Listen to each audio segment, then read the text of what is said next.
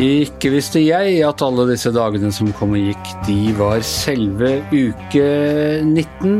Lenge siden sist, Thomas Gjertsen. Hei, Anders. Hyggelig. Hyggelig. Vi holdt selvfølgelig arbeidernes hviledag hellig og lot være å lage podkast på, på 1. mai. Du, den dagen jobber ikke jeg, Anders. Nei. Men jeg la merke til at det er en del eh, journalister som er på jobb og skriver saker om andre som er på jobb, og som ikke burde vært på jobb.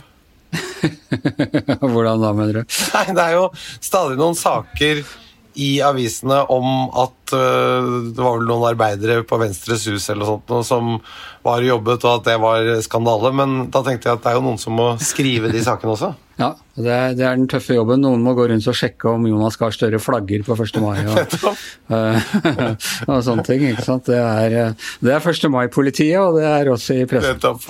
Men uh, dere er ikke regnet som arbeidere. Vi er, som de alltid sier i USA, 'keeping them honest'. Vi liksom passer på at de eh, lever som de prediker. Nettopp, nettopp. Men du, ja, mai. Jeg så jo, Vi sitter jo nå fortsatt ikke i samme studie, jeg ser deg på, på Google Meet her. Men da du var oppe og stengte døra her, så så jeg at du har fått på deg shortsen du, Thomas. Jeg har fått på shortsen, ja. Ennå, det er, det er, det er litt surt i luften ennå. Det er litt uh, kaldt, uh, men jeg er veldig glad i å gå i shorts, så jeg prøver å Jeg prøver å komme meg inn i shortsen, og da prøver jeg å være i shorts helt til etter cupfinalen, faktisk.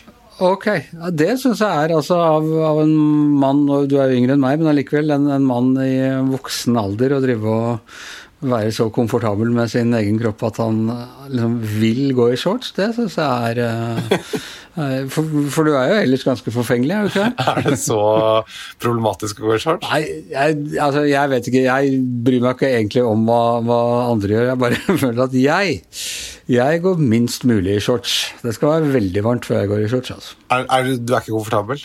Nei, jeg syns altså, Fram til jeg var sånn åtte-ti år, da maste jeg på mora mi om å få lov til å begynne å gå i shorts med en gang det, det begynte å bli grønt på trærne. Og så fra jeg har vært sånn 12, så var det sånn mellomfase opp til 12-13, og nå og går jeg helst ikke i shorts. altså Jeg føler, meg, jeg, jeg føler alt er feil. Jeg føler beina mine er feil. Jeg føler at du går med sånne strømper oppover leggen og ser rar ut. og Nei, det er Jeg foretrekker å gå tilslørt som en ærbar muslimsk kvinne. Det er egentlig mitt eh, favoritt. Det er da jeg er mest komfortabel. Men du må, du må ikke ha for høye sokker. Det er riktig, Du må ha liksom riktige shortsokker, men det er ikke noe, det er ikke noe Men du får ikke noe, du får ikke noe klager fra altså Jeg har meget gode kolleger som er veldig opptatt av at folk ikke må gå på, på shorts på jobben. Roar Hagen i, i, som tegneren i min avdeling har skrevet egne kommentarer om hvor forferdelig det er med, med Og vært på Dagsnytt 18 og diskutert hvor forferdelig det er med folk på shorts på jobben. Du får ikke negative reaksjoner. ja, men, Og kvinner også? Er det innsigelser fra kvinnelige kollegaer? Uh, ja, det er vel ikke de som er uh, ivrigst, men, uh, men jeg ville nok tenkt på det. Hvis mannlige kolleger klaget, så kan det hende at kvinnene også syns at, det er, eh, at det ikke er så Jo, men det er, det er greit, jeg kan tale fra en mann, men kvinner de har ikke lov til å klage. Du mener at kvinner ikke har lov til å klage på menn med shorts? Det at kvinner skal kunne gå i miniskjørt når de vil, en utilsiktet eh, følge av det er at menn, også opp til 70-80 år, med hvite dryssende legger, må da kunne få lov til å gå i shorts. Ja. Nå føler jeg at du er i overkant rettighetsorientert, altså, Thomas. For det er ikke Hvis jeg liksom visste at alle kvinnene rundt meg ikke likte måten jeg framsto på, f.eks.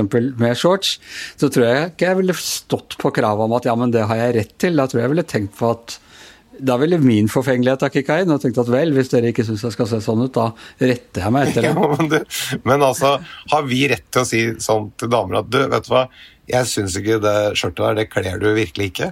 Nei, men eh, Nei, vi har jo ikke det. Og vi har jo heller ikke lov til å si at du vet du hva, den utregningen er litt distraherende. Hvis du ikke vil at jeg skal stirre deg inn i utringningen, så ikke ha så stor utringning. Nei, og det er jo, det, utringning kan jo virke distraherende på menn, og da har vi et mottrekk, da er det shorts.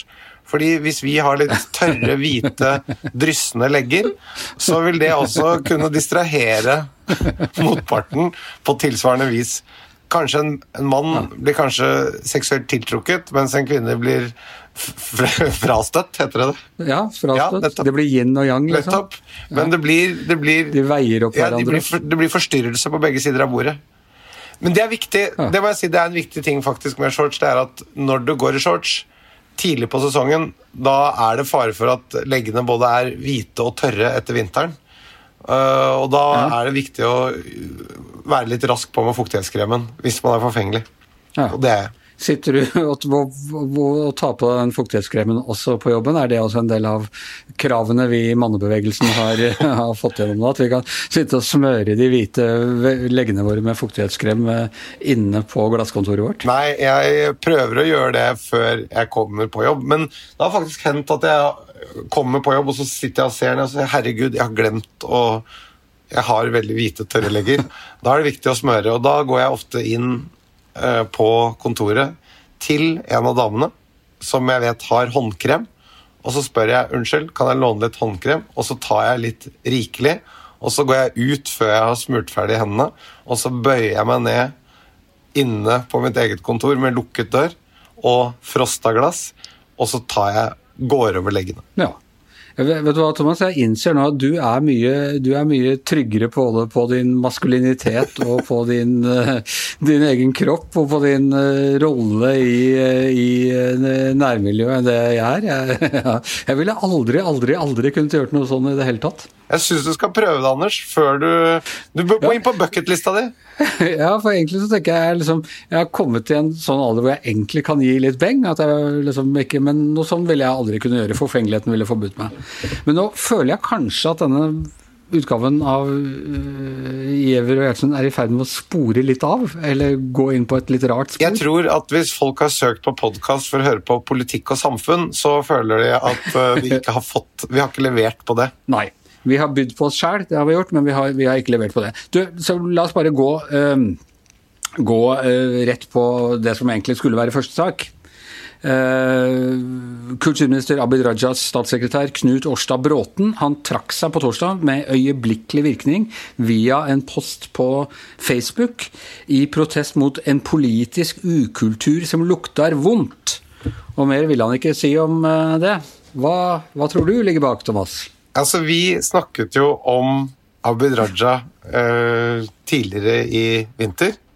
Uh, Jeg har noen vage minner om det. ja. Og da sa jo Da hadde vel jeg noen antydninger om at han Jeg husker ikke akkurat hva jeg sa, men det var vel noen antydninger om at han kanskje ikke var en lagspiller, og at han kanskje ikke var helt til å stole på, eller noe sånt, og at, han var litt, eh, at det var litt mye show eller sirkus rundt den. Jeg syns du var litt gjerrig på å anerkjenne mine påstander. Politiske analyser. Ja, og jeg vil bare spørre, hva tenker du i dag om det jeg sa? Var det helt på jordet, eller? Vi vet jo ikke hva som ligger i denne greia, og, og hvis det er en konflikt, så vet vi jo ikke hvem som har, har skylden heller. Må jo si det er, det er jo spesielt å gå av på en sånn måte og si at uh, det er en politisk ukultur her som lukter vondt. Ikke navngi noen, det, altså, men, men hvis det ikke er statsråden det dreier seg om, så hadde det jo vært naturlig å nevne det. Jeg snakker selvfølgelig her ikke om, om eh, kongens mann, men, uh, men om en mer generell uh, politisk kultur. Så han- han hadde gjort det lettere for statsråden hvis han, øh, hvis han hadde frikjent ham, for nå etterlater han seg jo litt det inntrykket, må jeg si det. Det lukter vel det lang vei. Han har fått beskjed om at han skulle være statssekretær. Han har tenkt dette blir en spennende jobb, jeg skal nå få være med og eh, Er det ikke folkemusikk han er veldig opptatt av? Jo, det er en av hans, hans øh, kjepphester. Nettopp, Han har tenkt at nå skal vi få laget eh, strukturerte eh, løsninger for støtte til folkemusikkens fremme osv. Og, så videre, og være med å lage politikk og holde på. og så er alt han har drevet med å være med rundt og holde opp speilet mens statsråden prøver tvers over sløyfer og går til frisøren og skal ha hvite smokingjakker. Altså, det er jo Det kan jo ikke være verdens letteste jobb å være rundt han fyren der. Nei, det, det, vet jeg virkelig ikke. Men det som ikke har vært verdens letteste jobb, er jo selvfølgelig også det å være kulturminister, som er litt den derre statsministerposten. ikke sant? Du åpner festivaler, og det er, det er hyggelig med kultur, og, og uh, alle, alle, er enige om det. Og så plutselig så kommer du i en situasjon uh, med dette koronaviruset hvor hele kulturfeltet rammes knallhardt. Og så får du ikke noe penger av finansministeren, eller nesten ikke noe penger av finansministeren å, bøte på, for det er så mange andre ting som liksom tross alt er viktigere. Eh, i anførselstegn, Og så plutselig alle som syntes det var kjempehyggelig å høre om din bakgrunn og dannelsesreise og, og, alt dette her, de står der bare med sinte, morske ansikter og, og vil ha penger og syns ikke det er noe stas med, med noe av det du gjør. Jeg skjønner at det blir en litt brå overgang, og at det kan være litt vanskelig. Han skal jo representere klovnen, han skal jo ikke være klovnen selv. Nei, og du syns han er blitt i overkant, det? Han har jo nærmet seg det både i oppførsel og kostyme. Det kan være det. Det kan jo også være at det er andre ting han eh, øh, Bråten har reagert på enn eh, akkurat, akkurat Enn akkurat Abid Raja? Ja, ja, men da er det litt, eh, litt rart å ikke presisere det. Altså. Så jeg vil tippe at han uh, kommer under et visst press på å måtte forklare hva det er han, hva det er han mener, og, og, hvorfor han må gå.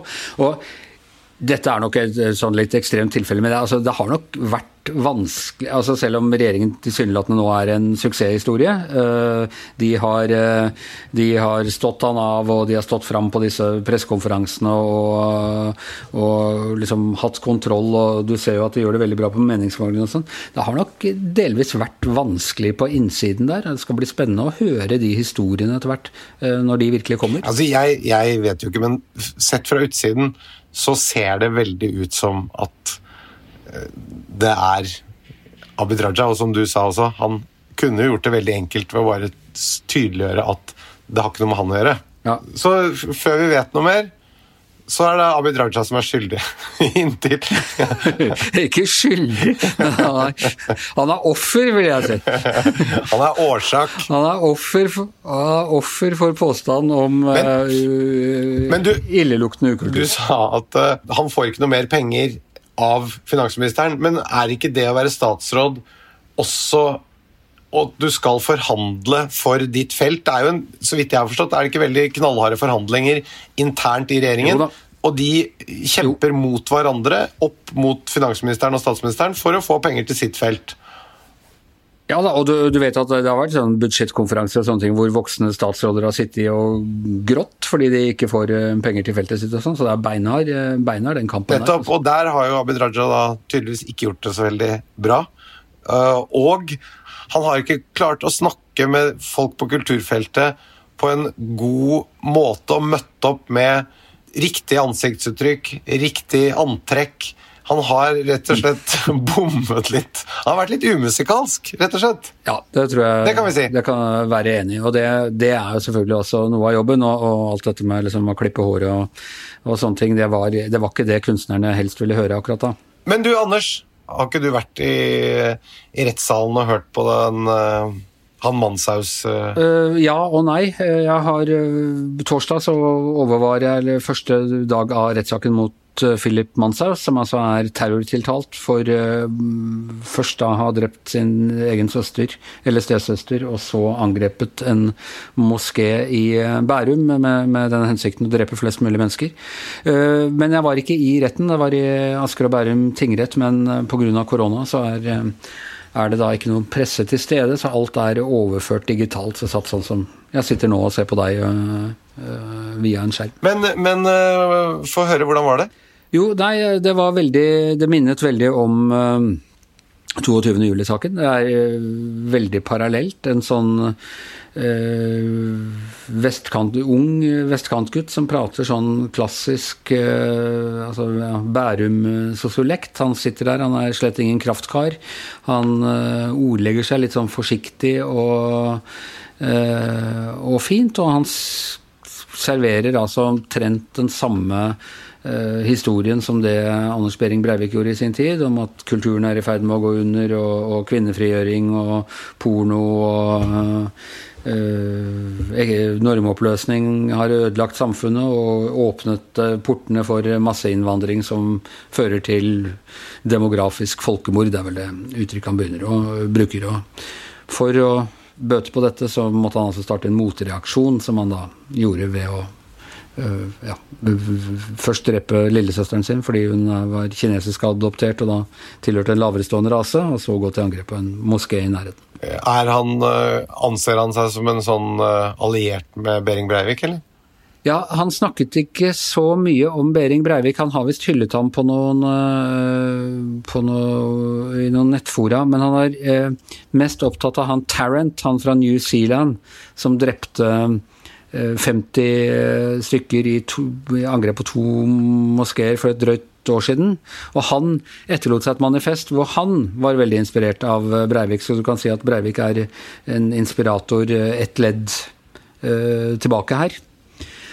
Og, men også når han driver og, forklarer uh, disse tingene, så, så, er det liksom litt på samme, litt samme hjelpeløse måten som Breivik, som ikke liksom hadde helt kontrollen. Uh, litt sånn Wikipedia og YouTube og, og, og sånne ting, og ikke en sånn klar, fasttømret ideologi. At ikke han eier det helt, hvis du skjønner? Ja da, man hører at dette er tillært. Er han er jo en ung mann, han er, han er, bare 22 år, og så har han da altså i motsetning til uh, Breivik, som var, Breivik var jo skremmende gjennom det enorme massemordet han hadde uh, foretatt. Han her går altså inn og skyter sin forsvarsløse søster på soverommet, uh, og så drar han til denne moskeen hvor han blir overmannet av to, to eldre menn. Ja, ble han ikke banka opp av to pakistanere? Noe så voldsomt. Og han, han har jo da filmet det hele med GoPro-kameraet sitt, så vi, vi, ser først hvordan han sitter i bilen. Vi fikk se dette, hvordan han satt i bilen og sang en liten sånn nazitrall. En gammel nasjonal samling-kampsang om hirden og, som drar til kamp og sånn. Og så kommer han inn der, og så ser du særlig han ene kommer løpende mot ham, så klink, bunk så går det kameraet rett i taket, og så hører du bare at han får ordentlig, ordentlig med juling. Og de gutta, når de er ferdige, så preiser så hyller de liksom Allah. Ja, Allah, du hjalp oss veldig mye. og, og, og, politiet kommer inn, så hører du liksom at de er sånn først veldig desperate, og så er de sånn Nei, ja, han, det er visst i orden. Så de bare serverer han som pakke. Da har de bakbundet ham med noe sånn bønneskjerf og litt sånn forskjellig. Hvor gamle var de gutta? Eh, de, de, som de, som tok han, ja, de var, ja, de var ikke de 60-70-årene, jeg husker ikke helt. De var, han ene var jo noe gammel militær fra flyvåpenet i Pakistan eller noe sånt. Og, og det var, det, men det så vi jo på de der bildene som kom han, han var i på første fengslingsmøte. Han var jo ordentlig banka opp, ikke sant? så de har ikke, de har ikke holdt noe tilbake. Nei. Men Anders, vi må jo snakke om det som er den store saken nå, nemlig Lørenskog-forsyningen. Ja, det er jo den vi har prata mest om i løpet av uka som gikk, og tekstmeldinger og sånne ting. Og du, du har hatt mange spørsmål. og så For å gi et lite gløtt bak den glamorøse podkastfasaden. Vi, vi tok opp det meste av denne podkasten eh, torsdag kveld. Og da hadde vi liksom dekka alt dette med at uh, Tom Hagen ble satt fri uh, fra varetekt etter kjennelse i lagmannsretten. Og vi følte at vi var godt up to speed uh, på utviklingen. Og så våkna vi fredag morgen, og så hadde det skjedd nye ting. Raskere enn det med Abid Raja. Ja, ikke sant. Enda raskere, raskere utvikling. Og dynamikken mellom oss er jo sånn. Du stiller meg spørsmål, og så prøver jeg å Så jeg venter litt, og så snakker jeg egentlig med noen andre, og så kommer jeg tilbake med, med det jeg har funnet ut, som om jeg har suget av eget bryst, men det har vi ikke tid til nå, liksom, når vi må kutte ut det forvanskende mellomleddet som er meg i denne situasjonen. men da har vi jo fått med oss Astrid Mæland. Du har stått opp? Ja, ja, ja. Jeg har stått opp til nyheten om at uh, politiet i går kveld uh, pågrep og sikta en ny mann i Tom Hagen-saken. Det er en mann i 30-åra som politiet sier har en relasjon til Tom Hagen. Og politiet sier òg at han har IT- og kryptovalutakompetanse. Og det som har skjedd, har skjedd nå fordi at Tom Hagen i løpet av dagen faktisk kan komme ut av varetekt. De regner med at høyesterettsarbeidet vil bli ferdig allerede i og at kjennelsen kommer i dag. og antar vel at han går fri, for det er bare technicalities som eventuelt skal være feil for at han blir satt i varetekt fortsatt, og da har politiet dårlig tid. Men betyr det da at det, den pågripelsen som politiet nå har gjort, da kan være en grunnlag for en ny varetektsbegjæring av Tom Hagen? De håper vel at de har flere bevis, for at det som var den klare beskjeden fra lagmannsretten, eh, eh, som eh, altså mener at Tom Hagen skal ut i det fri, var at beviser at politiet ikke holder i det hele tatt. Det var en egentlig ganske ødeleggende kjennelse Eh, i lagmannsretten for politiet sin del. De går gjennom beviser der. De er jo da klausulert, eller eh, vi får ikke vite hva slags bevis det er snakk om, det står bare oppgitt dokumentnummer. Men så lister de opp forskjellige dokumentnummer, så sier de at det her heller ikke, det her heller ikke, det her heller ikke. Så er det kanskje nå i en sånn tre-fire-fem dokument, mener lagmannsretten, men det er langt på Det er ikke, heller ikke helt tatt. Han skal ut. Så da mener de altså at det ikke er skjellig grunn til å mistenke Tom Hagen for drapet på sin eh, kone Anna, Anna Elisabeth eh, Hagen. Og ja, Det er et nederlag for politiet, så da, nå har han fått det travelt og skal eh, i gang med å samle nye bevis.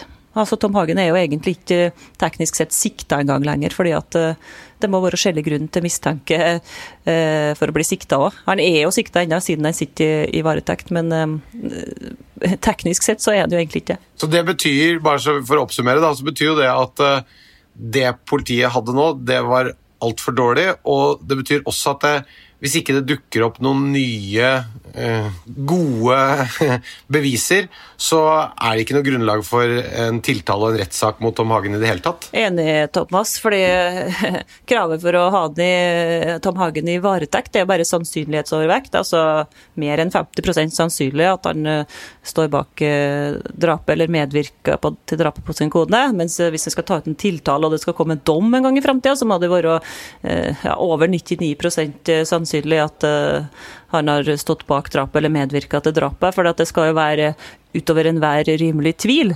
Så her er beskjeden til politiet at det her holder ikke helt. At det må eh, graves fram eh, langt mer bevis enn eh, det har fått til nå. Dere er ikke engang halvveis? Nei, det er sant. 49% opp til 99, da. Ja. Men eh, denne pågripelsen da i eh, fredag morgen, det er av en, i en relasjon altså til, eh, til Hagen. Er det Eh, fordi da politiet er desperate. Eller er det bare helt tilfeldig at det skjedde dagen eh, etter? De sa jo det i, eh, på pressekonferansen er det ti dager siden eller noe sånt nå, at etter på, pågripelsen, og siktelsen av Tom Hagen, at de mistenkte flere medvirkere. Og i den første kjennelsen da, i tingretten, da Tom Hagen ble satt i varetekt, så sa dommerne at, at det er skjellig grunn til å mistenke flere medvirkere.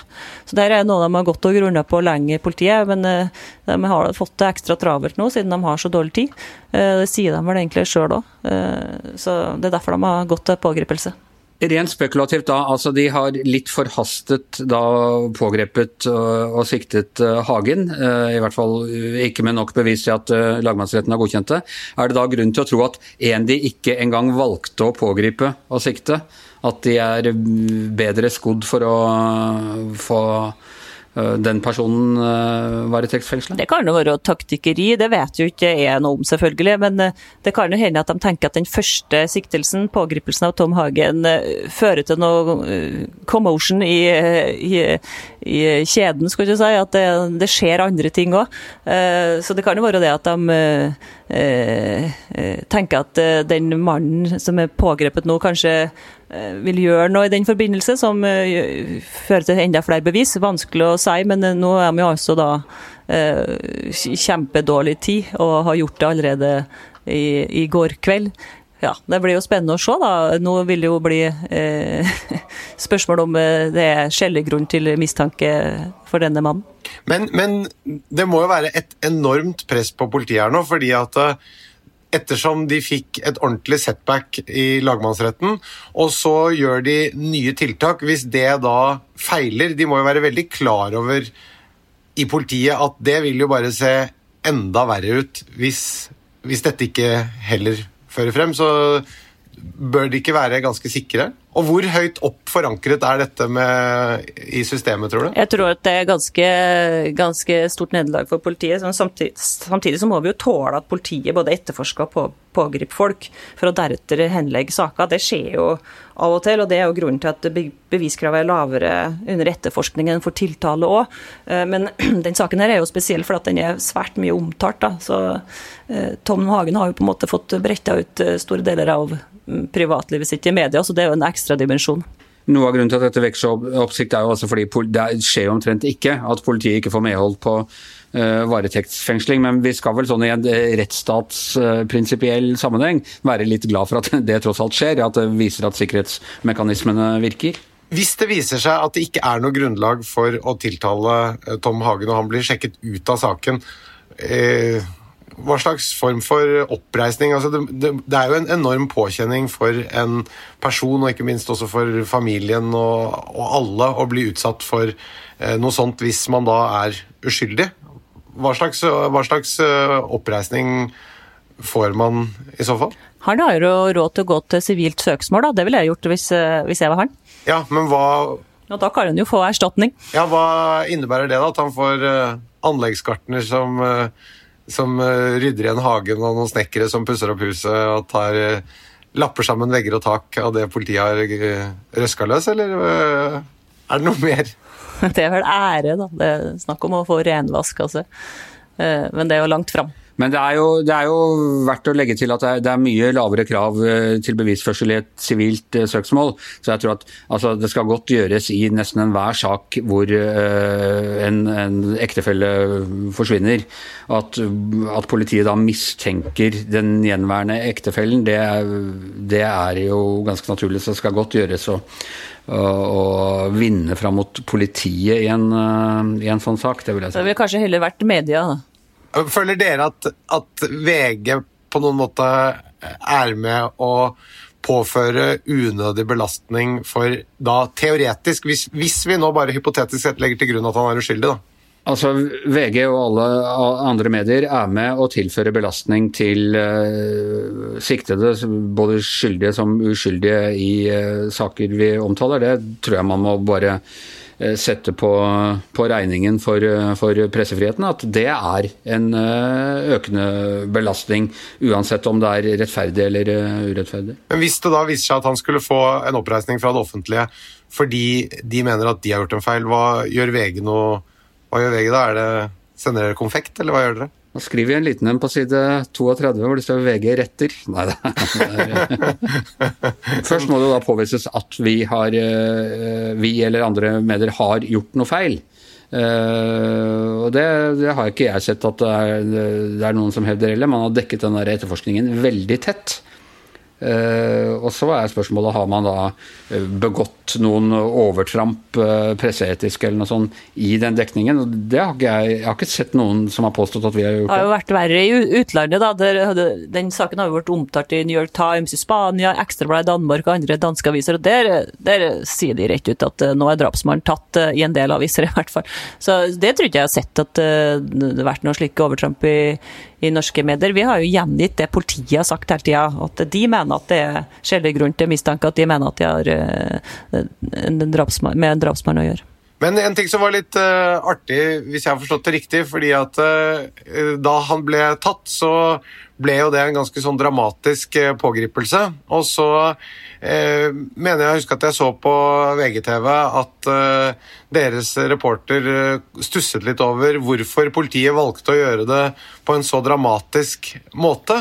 men nå kom det frem i dag at politiet hadde visstnok måttet eh, gjøre den dramatiske pågripelsen, pågripelsen, på den måten fordi det var fullt av VG-journalister utenfor huset. sånn at uh, det var rett og slett pga. VG at det ble litt ekstra dramatisk. Interessant. Thomas. Hvordan visste VG om den pågripelsen, mon tro? Ja, nettopp. Det, det, virker som det er et ganske godt og tett samarbeid mellom VG og politiet. Jeg vet ikke, og det tror jeg ikke Astrid vet heller, eh, hvordan eh, de greiene var. Altså, VG har jobbet veldig intenst og tett med eh, denne saken helt siden, den ble, ja, siden før den ble kjent. Og det er et, for den som virkelig er interessert, så er det et intervju som ligger ute på Journalisten med de to journalistene som har uh, jobba mest med det i VG, hvor de forteller ganske åpent om metoder og, og, og, sånne ting. Så det kan jeg anbefale å lese. Men du, da skal jeg lese der, så kanskje jeg får svar på spørsmålet mitt. ja, det er, ikke, det er, ikke, alle ting vi klarer, klarer å gi deg tilfredsstillende svar på, vet du, Thomas. Jeg sitter i en skvis selv her mellom, mellom nysgjerrig og moralsk. Ja, ikke sant. Når du har fått stilt alle spørsmålene du gjerne vil ha svar på, så er det tid å trekke fram den moralske pekefingeren litt om pressen som grafser i dette her. Det er Det at dere er i stand til å svare på spørsmålene, gjør dere også ansvarlig for umoral og, og forstyrrelser hos politiet. Det må ja. dere være klar over. Det er, sånn, det er, sånn, det fungerer. Det er på en måte hele forretningsmodellen. Du vet eh, at folk går til oss for å få nyheter og, og få svar på spørsmålene de lurer på. Og så etterpå så føler de seg litt sånn at de har spist litt for mye potetgull. Og så uh, blir de litt, uh, litt, moralske. Det er helt riktig. Så når jeg nå leste om dette på NRK i dag, at det var VG som hadde gått i veien for politiet, så følte jeg akkurat som at jeg hadde spist en stor pose med potetgull med dipp. Ja. Ok, men potetgullposen for, for, denne uka er over, og dipskålen er uh, tom. Uh, Den er sleika rein, Anders. jeg vil regne med at, at cravingen din vil, vil, starte igjen sånn på mandag, Thomas, og så bygger det seg opp et, et behov vi får tilfredsstille fredag om en uke.